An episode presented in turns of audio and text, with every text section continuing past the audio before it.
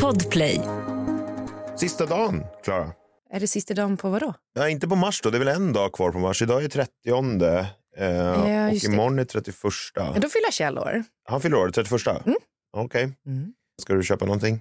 Men det kan jag ju inte säga här, han lyssnar på podden. Gör han? Ja, Jaha, varje kul. avsnitt han lyssnar på. Ja, men grattis Kjell, jag älskar eh, folk som fyller år och eh, det är kul. Ska ta ut honom på restaurang Wow. och så ska jag be personalen komma in och sjunga för honom. Fy fan. Ja.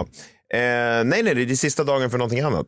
Jaha, vad är det då? Sista dagen som du och jag är ensamma i den här poddstudion på, eh, ja men väldigt länge tror jag i alla fall. Ja, det är det faktiskt. Det är ju så att eh, Svenska nyheter med Messiah Hallberg i spetsen går i mål den här säsongen imorgon fredag. Mm. Och det betyder också att då på måndag är han tillbaka som vanligt med oss eh, i studion varje måndag, varje torsdag och alla andra dagar. Just det. Som Mussolini med eh, den här eh, fisken. är det inte så? Ja, precis. Påminner inte ganska mycket om Mussolini? Personlighetsmässigt i alla fall. Lite utseendemässigt och nej, inte riktigt utseendemässigt.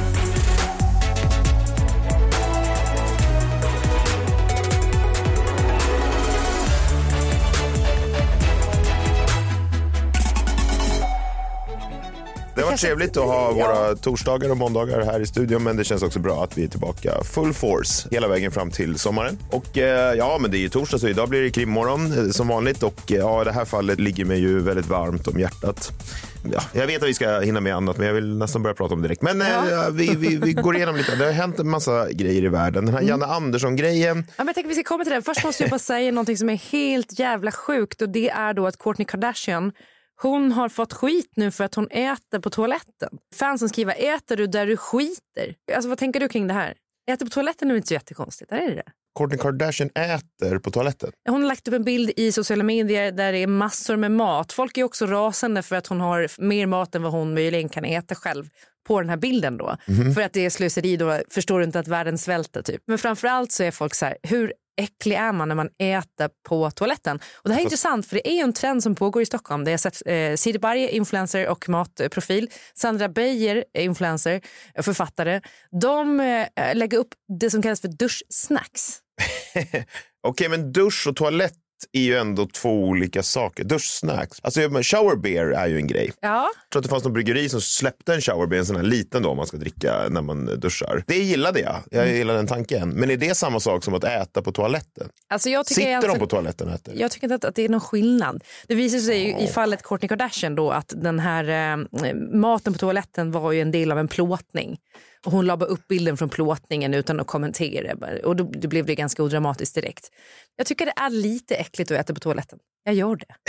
ja, men det tycker väl alla. Det är väl ändå, det tycker väl till och med Kourtney Kardashian, gör hon inte?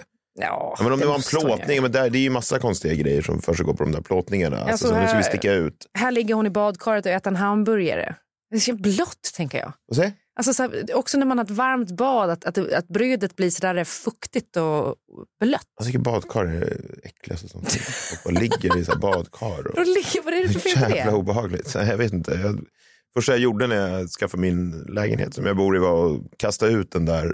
Kasta ut badkaret. Badkaret Ja, som är men- en sån här sälj-USP. Nej det, nej, det var ingen säljljus för mig. Jag säger jag kan köpa den här lägenheten men, men eh, ja, det är trots du. att det här jävla badkaret står där. Ja, men det är du och pensionärerna som inte kommer ner i badkaret. De kommer Och ner. Skaffa dusch! Ja, men de kommer ju inte över kanten. ja, det är inte mitt problem. Det Nej, kommer över men, eh, kanten. Vad fan betyder ja. det? Man ligger där och bara liksom, nej det är, det är helt sjukt folk som sitter, ligger i badet. Men ja, Nej, ja, jag håller inte med dig. Sen är det så att vi har då by demand, får man väl lov att säga, en eh, lyssnare som har skrivit till mig. Jag vet att det kanske är lite sent, eh, men jag vill jättegärna höra er take på debaclet kring eh, Janne Andersson här i veckan. Jag har inte pratat om det någonting, men eh, ja, har du någon take eller? Men- Det kan vi spela upp då för de som inte tittade på Sverige-Azerbajdzjan. Jag tänker inte vara jättemånga och kanske ännu färre då som såg eftersnacket eh, efter, men så här lät det. Ni är fyra man som konfronterar mig Vem? med frågor Jag efter matchen fråga. vunnit med 5-0. Men du börjar defensivt att du Ah, har vunnit fem av de sista sex Ja. matcherna. Nej, Som förbundskapten måste du. Sluta. Du har representerat 10 miljoner människor. Men vad är, och du har pappa någon som är yngre vad än dig. representerar du? Ja, Sverige såklart. Varför ska jag inte göra det? Åh, fan. Vad? Vad är det för grej då? Varför, vi- vad ska du säga någonting annat? bra. Vi- Varför? Vem ska representera Du har varit tränare, du, du har ju varit tränare och varit högsta Ja, nivå. du har ju massa- spelat fotboll på högsta nivå, eller hur? Ja, det har du ju. Vi, tar en liten det är så dåligt. Det är så dåligt. Nej, det, det är står väldigt och dåligt snackar gjort från dig. skit efter en match när vi vinner med Du pratar 5-0. för mycket just nu, för du blir aggressiv. Varför? Vem ska jag representera annars? Vilket annat land? Serbien, vill du säga det eller? Är det det vad du försöker säga? Janne, Janne, dåligt, nu Janne. slutar vi. Ja, men man hör ju här att Janne Andersson blir ju ganska upprörd här på Bojan Djordjic. Eh, och efter det här så blir det ju någon form av eh, rasistskandal. Och det här sprids ju som en löpeld. När jag har åkt pendeln här nu de här dagarna så har jag sett liksom folk som har suttit och tittat på det här om och om igen.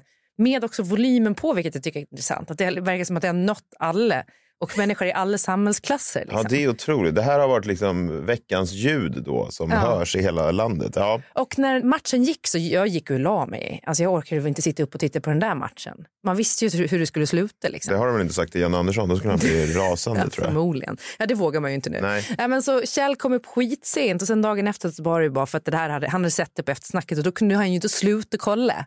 Men Jan Andersson gick ut i förrgår i DN och liksom bad om ursäkt och då lät det så här. Det är jättedåligt. Det är mycket, mycket dåligt. Jag, jag kommer till studion glad. Alltså vi har vunnit med 5-0. Eh, bytt in Jesper Karlsson så, som gör ett mål. Vi har suttit och pratat Jesper och jag länge dagen innan på eftermiddagen. Och jag är så glad för hans skull. Jag är jätteglad för hans skull. Han gör ett fint frisparksmål. Bytt in Anthony precis innan och säger till Anthony, bara säg till Jeppe nu att han hänger i det första krysset. Och så, går, och så säger Anthony, sa till honom, det hänger i det första krysset, säger han. Och så gör han det. Men jag kommer dit, jag är jätteglad. Och så, och så får jag den här typen av frågor då. Då överreagerar jag på ett sätt som jag inte ska göra. Eh, jag har varit förbundskapten i sju år och det är extremt dåligt av mig. Så det tar jag på mig och det vill jag gärna prata med Bojan om. Alla som känner mig eller så vet vem jag är vet ju att jag hatar all form av översitteri, penalism, rasism och så vidare. Så att den tolkningen, där, där jag ber jättemycket om ursäkt om han har tolkat det så. Men jag, det, så, sån är inte jag. Och det är jättetråkigt att det blev på det sättet. Jag tror det här med att snacket har varit att han är rasistisk mot Bojan. Jag tycker att det är jättefarligt. För jag tror ju att det hade kommit fram tidigare om Jan Andersson hade rasistiska tendenser. Och jag köper inte den tolkningen av bråket döma av det jag själv har sett då i de här klippen. Alltså, vad representerar du? Och det är väl framförallt när Bojan svarar Sverige som det blir en som konstigt missförstånd. Du jag. tror inte att han menade vad representerar du för land? Nej, inte vad menar alls. Han? Nej, vad menar han då? Han menar ju, han representerar ju inte i egenskap av, av förbundskapten. Mm. Han representerar inte ett lag. Han, är, han representerar via Play? Då, Han, typ. han representerar media. Okej, ja. Ja. Så tolkade jag det i alla fall. Och Sen så blev det konstigt när de inte kunde mötas och det blev dålig stämning såklart. Och jag förstår också de som stod i den studion att det blev obehagligt såklart när någon blir sådär arg. Men jag tror som sagt att det är farligt att kalla människor för rasister till höger och vänster. För det spelar ju bara i händerna på de som faktiskt är rasister och som tycker att människor är olika värde baserat på hudfärg och etnicitet. Och vi som samhälle måste då ta ett lite djupt andetag och fråga oss liksom Fråga gärna Andersson då, vad, vad menar du med det här? Och förstår du hur det kan tolkas och så vidare? Och så får han ju komma med sina svar. Och jag tycker, döma av det han har sagt efter debaclet så har det ju varit väldigt odramatiskt. Och han ber om ursäkt för att han stormar upp och beter sig lite rövigt. Men Jag tycker också, ja men det är en storm i ett vattenglas. Folk blir arga och eh, liksom, så länge de bara har meningsskiljaktigheter som här och håller sig från att hota varandra på olika sätt och att de ska förstöra varandras karriärer och så. Det var ingenting sånt som Janne Andersson ägnade sig åt. Så kanske det inte är så jävla farligt. Du menar att vi kan förlåta Janne Andersson? Ja, han är väl som gubbar och kärringar Jag vill se mest. dokumentären först. Först vill jag se en dokumentär på SVT Edit om eh, vi kan förlåta Janne Andersson. Så vill jag höra för och emot. Jag vill ha hela SVT den grejen. Edit. De är redan på det. Alltså avsnittet är halv, halvvägs in i produktion nu. Kan vi förlåta Janne Andersson? Ja, jag tror att jag måste se den eh, dokumentären innan jag kan ta ställning i det här. Och nej, betyder det här att Messiah också kommer tillbaka och eh, räkna antal dagar som man inte har kunnat förlåta Janne Andersson? ja, vi får väl fråga honom. Åh gud, jag hoppas verkligen inte.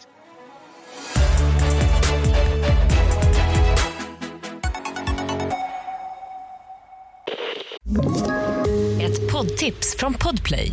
I fallen jag aldrig glömmer djupdyker Hasse Aro i arbetet bakom några av Sveriges mest uppseendeväckande brottsutredningar. Går vi in med hemlig telefonavlyssning och, och då upplever vi att vi får en total förändring av hans beteende. Vad är det som händer nu? Vem är det som läcker? Och så säger han att jag är kriminell, jag har varit kriminell i hela mitt liv men att mörda ett barn, där går min gräns. Nya säsongen av Fallen jag aldrig glömmer på Podplay.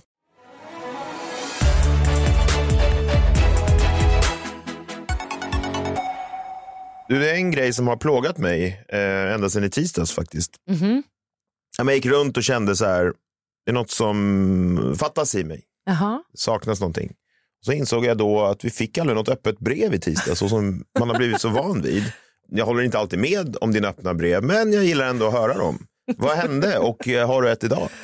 Nej, jag glömde faktiskt bara bort det. Jag hade med mig ett öppet brev, men jag glömde att dra det. Det var simple as that. Ibland så, så händer det. Men det är ju så här, om ni hör att jag sitter här och snörvlar så är det på grund av att pollensäsongen nu väntas ju bli väldigt eh, besvärlig. Alltså otroligt besvärlig. Nu är du helt tyst verkligen. Jag vet inte vad Ja, du vet ju, pollen nej, är. just det, du vet inte vad pollenallergi är. Ja, jag vet inte vad pollen är och jag vet inte vad pollenallergi är och jag tycker också att det är jag vet inte, det känns ointressant på något sätt.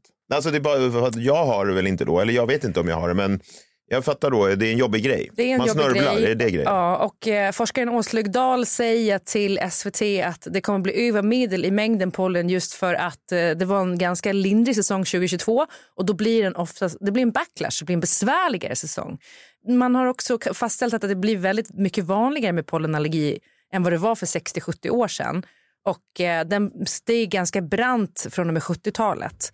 Men det man tror då är att det här beror på att barn under sina första levnadsår, alltså framförallt tre levnadsår, har färre bakterier runt sig. Så vi får väl vara arga på våra föräldrar för att de blev så jävla renliga och skulle hålla på med schampo, balsam och Ajax och sånt där. Det var det som pajade allt för oss, antar jag. Ja. Så det blir ett öppet brev till pollensäsongen 2023. Kära pollenträd och buskar, särskilt ni alträd och hasselbuskar. Brinn i helvetet. Brinn bara. Brinn. Inget gott. Klara Doktorov. Och där var det. Det var allt. Ja. Ganska Okej. föredömligt kort va? Ja, ja, det ska vi inte säga. Jag tycker om när det är långt också, men eh, nu när du säger det så om att, det, om eh, det kommer kom- vara så förkämpar för pollen som kommer att säga så de har inte gjort dig någonting. Finns det förkämpar för pollen? Alltså som folk som är Ja, det är väl då? de som gillar pollinering och sånt Som där. representerar pollen? De säger att om vi inte har albuskar och hasselbuskar och alträd och skit så kommer väl mänskligheten dö ut. Ja, må så vara. Är det det Bojan Georgis representerar? Pollen kanske? Var det det han skulle svarat? Det hade varit konstigt också. Vad representerar du? Pollen! Det hade ju fått tyst på Jan Andersson tror jag. Ja, det hade du Om han verkligen. hade svarat det. Det hade du verkligen. Också en annan grej med de här jävla, alltså det är alltid när det är en sån här grej så dyker det upp såna här retorikexperter Ja, ja. i media. Jag vet inte liksom vilka de är och vilka som betalar dem. Det var ju någon då retorikexpert, Elinor Falkman, som blev tillfrågad då i flera medier om den här Janne Andersson-grejen. Och hon sa direkt att eh, nu behöver Janne Andersson skapa nya rutiner för att hantera intervjusituationer. Janne Andersson har små marginaler när han ska bygga upp folkets förtroende. Det blir lite som det du försöker lära dina barn när de blir arga, att inte ta konflikten. Så bara, nej, okej, jag vet inte. De här Nej, det är retorik så jävla överdrivet. Ja, men också de här retorikexperterna, jag vet inte, vem fan, varför frågar de dem? eh, och vem har frågat mig om att sitta och prata om liksom, krimfall? Kanske ingen, men vad fan nu, här kör vi. Krimmorgon. Ja men eh, det är väl passande då. Jag har ju släppt en bok i veckan och eh, som eh, kanske vissa känner till så skriver jag ju då böcker, deckare, kriminalromaner baserade på verkliga fall som jag är så då förtjust i, förtjust i men intresserad av. Eh, jag har ju några fall då som liksom inte släpper mig och som jag inte kan släppa. Jag har skrivit om John Ramsey och West Memphis 3 innan. Och den här tredje boken då Mörkt arv eh, som finns ute nu. Det är därför jag också eh, var ute och firade den lite igår. Igen ja. Ja, men igen. Jag har Dagarna fi- tre. firat i dagarna tre. Därav min eh, ja, något hesa röst. Ja. Men vad fan, om man inte får fira sin ska. bok så vad, vad ska man då? Vem ja, är det som har vad sagt ska man då skriva? det? Jo, Sofie Farman har sagt flera gånger att man ska fira varje liten. Allt du kan fira ska du fira bara. Ja, där är jag och Sofie Farman eniga. Eh, så hjälper det kanske att ha en partner som är stenrik. Vadå, det- Johanna känner väl bra? Ja, men det gör de faktiskt. Ja, men Men jag hon- säger det. Det hjälper både mig och Sofie Hon att våra inte- partners gillar att skämma bort oss. Hon känner inte svart rysk kaviar bra? Nej, vi äter ju sån här tångkaviar istället eftersom Mm. vi är vegetarianer. Nej, men låt oss prata då om eh, det fallet som min, min senaste bok bygger på, då, The Black Dahlia. Det har du väl ändå hört talas om, Klara? Ja, men jag har varit inne nere i det, det lilla kaninhålet, eh, men det var länge sedan faktiskt nu. Så jag behöver verkligen färska upp minnet lite. Det här är väl liksom ett av, eh, ja framförallt, det är ett av USAs mest kända cold cases, ett av världens mest kända cold cases. Det är ju rätt gammalt också, det här är ju från 1947. Ja. Det fortsätter att på något sätt trollbinda folk. Folk som är intresserade, det görs liksom, det kommer nya filmer, det kommer nya poddar, det kommer nya böcker hela tiden om det här. Och det är liksom, man kan ju grotta ner sig i varför det är. Jag vet i alla fall varför jag eh, har blivit så intresserad av det. Det är för att det är ett ganska så ovanligt typ av mord det här. Och eh, en ovanlig typ av gärningsman, eh, tror jag. Men jag drar det lite kort här då för de som inte har talas om The Black Dahlia. The Black Dahlia eh, handlar ju egentligen om en kvinna som hette Elizabeth Short. Hon föddes 1924 i Boston då i Massachusetts. Hon hade lite syskon och sådär. Och eh, hade en ganska tuff barndom. Sådär. De hade ekonomiska problem. Där pappan lämnade dem. Han fejkade faktiskt sin egen död. Oj då, pappan. den värsta typen ja, men han, han körde sin bil till en bro Ja. och sen lämnade typ så sina skor på eh, kanten till bron så att det skulle se ut som att han hade hoppat. Men istället hade han åkt till Kalifornien Alltså, och man- lämnat sina typ fem barn och fru. Det kunde man göra på den tiden. Det är nog svårt att göra nu, tänker jag. Ja, fast det, du vet Fredrik Söderholm då som har gått snack. Hans pappa gjorde ju typ det. Och det där, hans mamma har ju skrivit den här eh, Gunillas man försvann. Det handlar ju om just exakt det där. Mm, att just det. han, typ, han är ju dödförklarad och sen hade han bara varit någon annanstans. Det är i och för sig sant. I typ Eskilstuna. Men när var det här då? 90... ja, men I Eskilstuna kan man ju gömma sig. Det är ingen som liksom kommer dit och vill leta efter någon. Nej, nej. Nej, men det som var grejen med Elizabeth då, det var att eh, ja, men trots sin tuffa barndom så förtrollades hon ju då av filmens värld. Hollywood 1900, ja men det här var på 40-talet, the golden years tror jag det kallas i Hollywood. Och hon ville ju då flytta till Los Angeles. Eh, så hon drog dit då redan när hon var tonåring och eh, ja, men fick ganska mycket uppmärksamhet. Hon hade liksom långt, eh, nästan så här korpsvart hår. Eh, Hon var nästan alltid klädd i svart och det fanns en film då som gick på bio som hette The Blue Dahlia. Så folk började kalla henne The Black Dahlia. För att hon var klädd i svart, hade svart hår och sånt där. Alltså hon fick heta det före hon blev mördad. Ja, ja, ja, absolut. Hon kallades det. Ja. Ja, folk. Och det var ju då, när, efter hon hade blivit mördad så snappade tidningarna upp det här direkt. Och när de kom till Los Angeles då så var det ju fortfarande andra världskriget då, eh, början på 40-talet. Los Angeles blev ju då liksom en genomfartsled för soldater som var på väg ut i kriget och hon syntes ofta kring militärförläggningen i staden. Eh, Hon vann massa skönhetstävlingar där och sånt där. Hon hade utnämnts av eh, lokala tidningar till månadens pinuppa och sånt där. Eh, vilket jag inte tror finns längre. Det är lite tråkigt kanske. pinuppa? Men, månadens pinuppa, ja. ja. Men, Saknar du det alltså? Nej, men kanske inte. Men eh, Elisabeth hade dejtat några män där lite si och så. Men då på nyårsafton 1944 så mötte hon då en major, Major Matthew Gordon Jr. som arbetade inom flygvapnet. Hon blev eh, head over heels då, kär i honom, de skulle gifta sig och allting, men han dog i kriget. Allt tyder på att Elisabeth tog det här eh, väldigt hårt då. Så istället för att liksom välkomna tillbaka sin man och slå sig ner så började hon hänga runt rätt mycket i Los Angeles för att då try to make it, liksom, som alla gjorde vid den här tiden. Hon ville väl bli då lite skådis, modell, ja, Ja. Allt, allt möjligt kanske. Hon sket i giftermålet och gick på karriären istället. Då. Ja, alltså hon ville gifta sig med den här Matthew då. Och när han dog så, ja, hon kanske vill hitta en man efter det. Hon hade inte så mycket pengar. Hon kom från en tuff eh, bakgrund. Hon bodde runt i så billiga hyresrum, arbetade på små barer då i stan och liksom lärde känna lite så B-skådisar, lite fotomodeller, knarklangare, prostituerade. Det var ju liksom en sån miljö då i Los Angeles på den här tiden. Det är det väl fortfarande i och för sig. Ja. det är väl det som är konstant med Los Angeles kanske. Ja. En av hennes kompisar eh, sägs ha varit en brunett som hette Norma Jean Baker. Jaha. Marilyn Monroe. Ja, som senare skulle komma att blondera håret och bli världskänd under namnet Marilyn Monroe. Eh, det sägs att de var kompisar då och hängde ute. Men då strax efter nyårsafton 1947 i början på januari så försvann Elizabeth Short spårlöst. Men eftersom att hon saknade liksom fast bostad och lite rutiner i tillvaron, hon hade liksom inget vanligt jobb och sådär, så tog det ett tag innan någon anmälde henne saknad. Ja, för att hon hade ingen familj eh, där Nej, precis. och hon bodde inte med någon. Bodde runt och så här, Ja, sov inte ja. alltid hemma i sitt hyresrum. Och, ja, men du vet liksom. Farligt det där ju. Ja, och på morgonen den 15 januari 1947 så hittade en kvinna och hennes treåriga dotter något som de först trodde var en sönderstyckad skyltdocka vid en, ja, men liksom en öde tomt mitt i Los Angeles, mitt i ett bostadskvarter. När de kom närmare så insåg de att det här rör sig om en människokropp som de ser.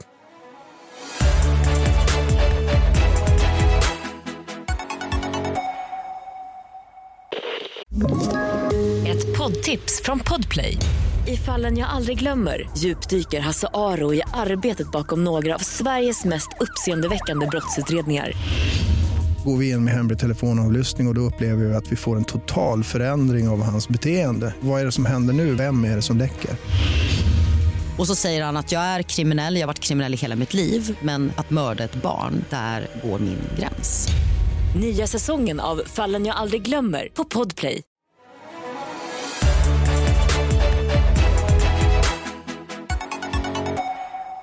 Både flickan och mamma chockades av den här synen. Eh, Polisen kom dit och eh, samtidigt kom också eh, flera tidningar eh, dit. Los Angeles Examiner, Herald Express. De dök upp liksom samtidigt. De hade ingångar till polisen. Så de kom ju dit och fotade kroppen där den låg. De här fotona finns ju, man kan googla det. Ja, ja, de har man sett. De är fruktansvärda. Ja, de är ju fruktansvärda, verkligen. Och eh, man kunde ju snabbt konstatera då att kvinnan, eh, innan hon hade dumpats där, så hade hon liksom blivit mördad på en annan plats och därefter då ja, eh, lämnats där, dumpats på den här platsen. Ja, jag vill inte gå in för mycket på det, men, men den stora grejen var ju då att hon hade blivit då avhuggen på mitten. Mm. Hennes kropp då, den låg ju i två delar. Kroppen var liksom placerad med de två delarna nära varandra. Men den var avhuggen, den var också tömd på blod. Men hennes hår såg ut att ha blivit schamponerat efter döden. Det var massa sådana här konstiga grejer. Liksom. Så hade hon ju också då ett så kallat Glasgow smile. Har du talas om det?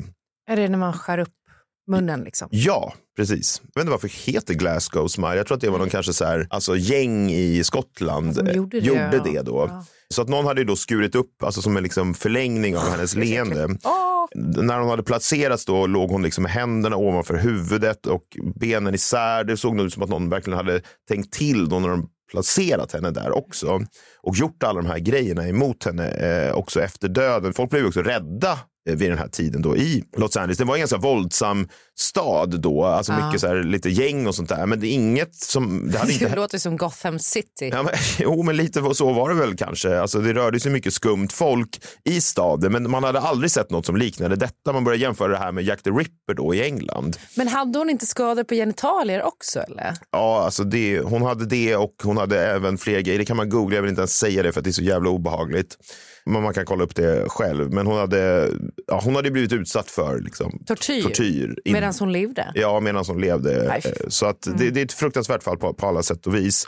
Och eh, det här kom ju att liksom dominera tidningarnas första sidor i veckor, nästan månader efter. Till exempel dagen efter mordet så sålde den stora tidningen Los Angeles Examiner fler exemplar än de hade gjort sedan kriget. Liksom. Det här blev ju liksom en massmedial grej, inte bara då för att tidningarna skrev om det, utan också för att den här tidningen då, Los Angeles Examiner, fick posta till sig en adressbok och en väska som visade sig tillhöra Elizabeth Short. Okej, och det kan väl bara varit mördaren? Ja, absolut. Den här adressboken saknade flera sidor som man tänkte då, det här måste ju ha rivits ut av gärningsmannen då för att det kanske stod hans Så det var namn. någon hon kände? Eh, Ja, det började man ju spekulera kring i alla fall. Och man såg också att alla fingeravtryck hade blivit avtorkade. Han skickade också brev och sånt där som var indränkta i bensin som man inte kunde ta några spår. Man hittade även Elisabeths Så res... han hade typ koll på kriminologi före, alltså det här var ju före sin tid lite grann. Ja, fingeravtryck fanns Ja, ju fanns på den ju. tiden. Men, det var eh, typ det som fanns. Ja, Alltså, men så här, han hade koll liksom, Ja. på sånt och han ville ju inte åka fast då. Polisen hittade Elisabeths resväska som innehöll flera foton på henne som tagits i sådana här fotoautomater. Då. Och där kan man se henne liksom leendes med flera olika män. Flera av de här männen kunde identifieras, men flera kunde också inte identifieras. Så man vet inte vilka de här männen var.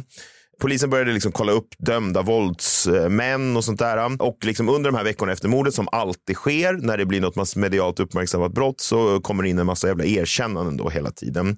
Eh, Man fick in 50 personer som erkände mordet. Då. Som papaya för all... Alltså, ja. Ja, och man vill inte ens gå in på någon av de här. Det är ju liksom, det är dårar allihop. Eh, Men polisen hade en annan misstänkt som de gillade. Han hette Robert Red Manley. Och det här var då en person som eh, hade haft ett typ av förhållande med Elizabeth Short. Eh, och han sa att eh, ja, men vi tillbringade ett par dagar tillsammans i San Diego kort innan Elizabeth hittades död. Och på vägen hem från San Diego till Los Angeles hade han släppt av henne på The Biltmore Hotel. Klassiskt eh, sånt här hotell. Och eh, ja, men polisen insåg att du är ju typ nästan den sista som har sett henne i Som träffat livet. henne, Ja. Och man tänkte, okej, this guy liksom. Han var gift och så, här, så att han hade haft henne vid sidan av. Men man hittade liksom inget riktigt motiv eller egentligen några bevis som pekade i hans riktning överhuvudtaget, den här Red. Eh, han klarade också ett lögndetektortest.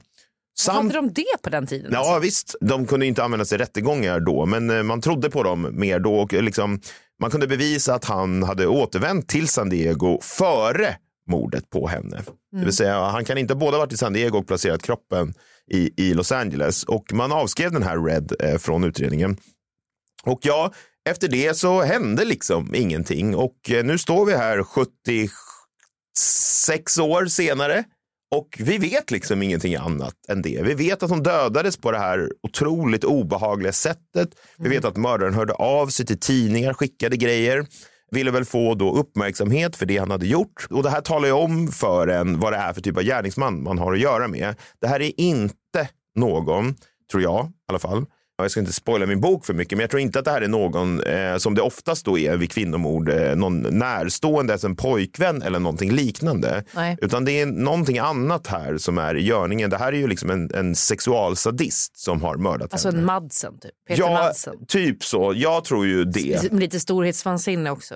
Ja, men mycket, Narcissism. nej, all, alla de här grejerna. Liksom. Vi har pratat i krimmorgon ofta om, om sådana typer av gärningsman. Jag tror att det är samma typ av gärningsman som i de här Idaho-morden till exempel. Men det som är så mystiskt med alltihopa, det är ju hur har han lyckats träffa henne? Hur har han lyckats göra det här? Och framför allt då, hon försvann ju ganska långt innan hon dyker upp på den här fyndplatsen. Det handlar om, det är ju nästan en vecka. Ja, Var har hon varit? under tiden. Jag kunde inte fastställa hur lång tid hon hade varit död då. Jo, men det man kunde konstatera det var ju att hon hade blivit mördad då antingen på kvällen den 14 januari eller på mor- tidigt på morgonen den 15 januari. Hon hittades ju den 15 januari, men då hade hon varit borta nästan en vecka. Ja. Var hade hon varit under den här tiden? Och hade hon kunnat bli torterad under den veckan? Det är det som är så jävla otäckt att tänka Ja. på, att det kan ha varit så. Och det säger ju också någonting om gärningsmannen, att han då skulle ha tillgång till någon typ av lokal där han skulle kunna, Kunna ha, ha gjort henne. det här och ha henne. Det är också oerhört ovanligt. Alltså sådana här bortföranden, när någon försvinner så dödas de ju nästan alltid i samband med det, högst några timmar. Men så verkar inte vara fallet här, vilket är ju eh, otäckt och väldigt ovanligt. En grej som jag alltid har fastnat för vid det här mordet, det är ju såklart att det här var inte första gången den här mannen har gjort, det något sånt här. Nej. Det här är ingenting man gör en gång. Ja, men det känns så utstuderat, det känns så eh, organiserat, eh, liksom disciplinerat. Kan inte tänka mig att det här skulle vara första gången den här mördaren gör det här. Och det fanns ju mordfall olösta i Los Angeles vid den här tiden. Strax innan Black Dahlia och även efter. Jaha, som liknade det här? Ah, inte eller? riktigt då. De liknar inte riktigt, men jag har alltid gillat kopplingen till eh, Jack the Ripper här. För Jack the Ripper var ju så att han, man kan se hur han eskalerade i sina mord. Att först bara mördade han någon på gatan snabbt och det sista mordet han begick var betydligt mer då utstuderat. Eh, han hade tagit tid med offret och gjort de här grejerna som jag alltid tänker att han fantiserar om. Jag tror att den här personen har försökt göra det här som han då till slut kunde göra med The Black Dahlia.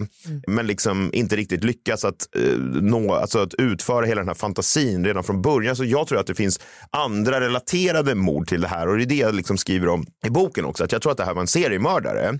Eh, och jag tror att om man kan börja koppla andra mord till honom så säger det ännu mer grejer om honom. Och eh, där tror jag att det finns väldigt många intressanta grejer att liksom utreda om man nu någonsin gjorde det. Det här fallet är ju fortfarande liksom ett aktivt fall hos LAPD, vilket är ju otroligt. Men Men men jag tänker på den där serien som man såg på Netflix tror jag för ett tag sedan som hette någonting med Mindhunters Mm. eller något sånt där. som handlade väl om hur, typ om det var FBI eller vad det var, började studera eh, seriemördare. Ja, och att det skedde ganska sent på typ så här 70-talet. eller De kom ju på termen seriemördare. Det här skriver jag om i boken. Ja, du gör Eh, det? Ja, men jag Ja. gör det. Och just för att det var så intressant då. För att han, den här mördaren kom att kallas då en werewolf i media. Mm. Alltså en varulv. Ja. Det var liksom termen för en sexualsadistisk mördare eller sexualsadistisk seriemördare. För termen seriemördare, begreppet fanns, Fanns inte på inte. 40-talet. Det kom Nej. på 70-talet när de här FBI-profilerarna började utveckla då profileringsverktyget. Kolla vilken koll jag har! Ja, verkligen. Ja, men kul. Ja, kul. Men det är ju liksom, det är väldigt hemskt och då kallades man varulv eh, Ja. då. Man kunde också liksom bli dömd som varulv när man var en seriemördare tid, nej, flera hundra år tidigare. När det var kyrkan som skötte rättegången. Då blev man åtalad som. Då blev man Ja. åtalad som varulv. Och varg då bland annat. Jag skriver liksom lite grann om det i boken, för jag skriver ändå en del om seriemördare och sådär. Ja, men jag har en ganska bestämd uppfattning om vad det här handlar om. Eh, och jag tror att det finns fler olösta mord som man kan länka till den här gärningsmannen. Och jag tror också jag har en idé då om var hon har varit någonstans under den här tiden. Och också en idé om vad det här är för typ av person som har gjort det här. Och eh, ja, men jag kan inte gå in på det. Jag vill inte spoila eh, boken. Eh, man får jättegärna köpa den. Mörkt arv heter den. Jag skriver om det här eh, fallet då. Det är väldigt intressant. ja, jag ska läsa den nu när jag åker till fjällen i helgen. Ja, men vad kul. Årets sista fjällresa. Som du också skrev Årets sista fjällresa. när du signerade min bok. Ja, kul. Den finns också på Storytel nu och Bookbeat och alla de här om man vill lyssna på den eh, istället. Det är intressant. Det är fortfarande olöst. Elizabeth Short. Eh, kommer det att lösas? Svårt va? Gärningsmannen är ju såklart död vid det här laget. Ja, om man inte har något erkännande någonstans eh, eller DNA så är det väl väldigt svårt. Ja, det är ju väldigt svårt. Eh, Så det vi har att liksom tillgå det är ju då teorier. Eh, Jag har en, det finns många andra. Det har ju kommit liksom hur många böcker som helst som heter typ Min pappa var Black Dahlia-mördaren. Ja. Det är någonting med så här pappor. Det finns liksom 70 pappor utpekade. Barn som, ha- som hatar sina fäder. Ja, jag har alltid tänkt att så här, ja, även om de inte hatar så har jag alltid tänkt att så här, det kommer jag hamna där någon dag. Så här, fan, kanske att min pappa var hemskt. Jag har ju träffat din pappa ett par gånger. Jag tycker han, ver- han verkar vara väldigt lite seriemördare faktiskt. Jo, jag Jag skulle snarare säga tvärtom. Fast i och för sig, folk är väl motstridiga. Men jag tänker att vara vegetarian och seriemördare. It makes no sense. Vad fan var det som var? Det fanns ju någon vegetarian-seriemördare. Jag kanske bara hatar mänsklig, mänskligt kött.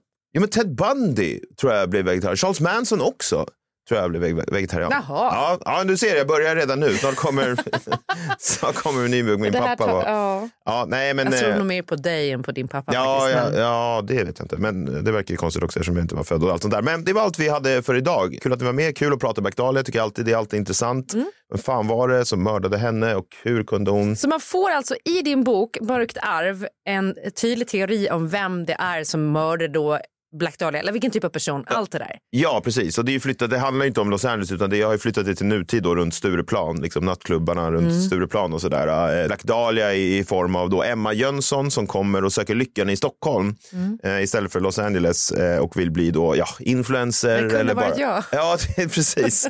Tyvärr då så eh, blir hon inte eh, framgångsrik poddare Nej. som Klara, utan hon blir mördad tyvärr istället. Då. Vem gjorde det? Det får ni läsa om. Imorgon är vi tillbaka. Då är Messiah tillbaka. Ja. Messiah är tillbaka nu framöver i alla dagar. Ja. Det blir väldigt roligt. Eh, tack för den här tiden, Klara. Det har varit roligt att ha krimmorgon med dig. Ja, men tack själv. Och du är väl tillbaka nästa krimmorgon också? Det är jag, Ja, men absolut. kul. Och vi är tillbaka alla tre imorgon. Tack för att ni har lyssnat idag. Vi hörs. Hej! Hej!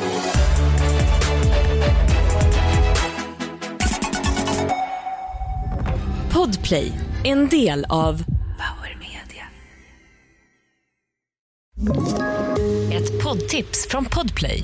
I fallen jag aldrig glömmer djupdyker Hasse Aro i arbetet bakom några av Sveriges mest uppseendeväckande brottsutredningar. Går vi in med hemlig telefonavlyssning och, och då upplever vi att vi får en total förändring av hans beteende. Vad är det som händer nu? Vem är det som läcker? Och så säger han att jag är kriminell, jag har varit kriminell i hela mitt liv men att mörda ett barn, där går min gräns. Nya säsongen av Fallen jag aldrig glömmer på Podplay.